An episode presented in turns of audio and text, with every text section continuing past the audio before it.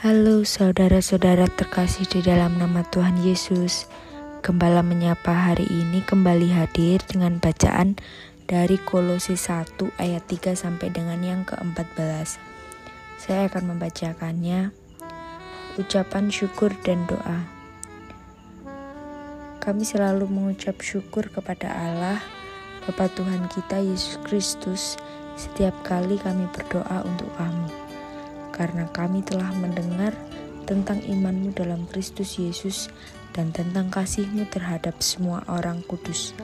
Oleh karena pengharapan yang disediakan bagi kamu di surga.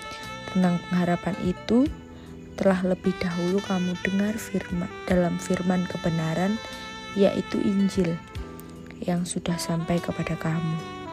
Injil itu berbuah dan berkembang di seluruh dunia Demikian juga di antara kamu sejak waktu kamu mendengarnya dan mengenal kasih karunia Allah dengan sebenarnya.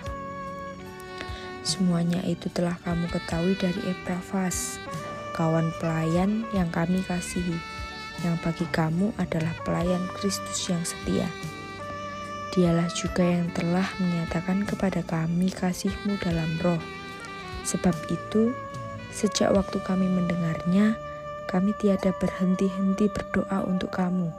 Kami meminta supaya kamu menerima segala hikmat dan pengertian yang benar untuk mengetahui kehendak Tuhan dengan sempurna, sehingga hidupmu layak di hadapannya serta berkenan kepadanya dalam segala hal, dan kamu memberi buah dalam segala pekerjaan yang baik dan bertumbuh dalam pengetahuan yang benar tentang Allah.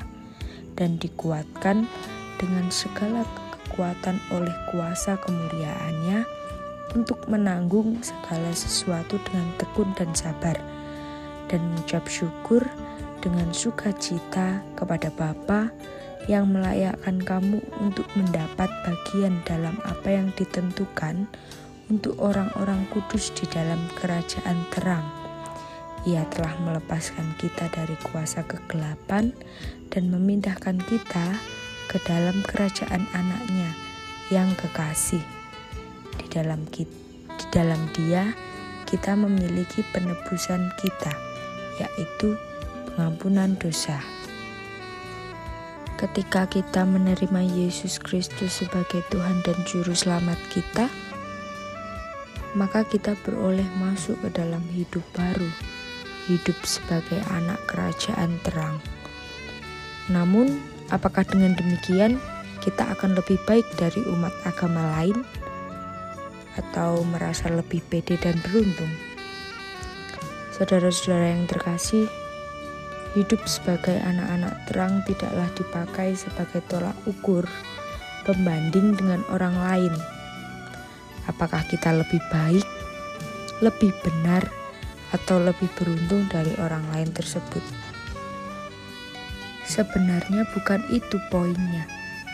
Hidup baru tidak menjadikan kita sebagai orang yang sombong. Merasa lebih damai dan bersuka cita tentu boleh saja. Dan itu merupakan hal yang sah-sah saja. Merasa diri lebih beruntung dan pede itu pun juga tidak salah. Tetapi Tidaklah tepat jika kita merasa sombong dan meremehkan orang lain karena ke keutamaan Kristus Tuhan yang juga menjadikan kita utama di hadapannya. Semua itu semata-mata terjadi karena kasih karunia Tuhan. Ia telah melepaskan kita dari kuasa kegelapan dan memindahkan kita ke dalam kerajaannya yang kekasih.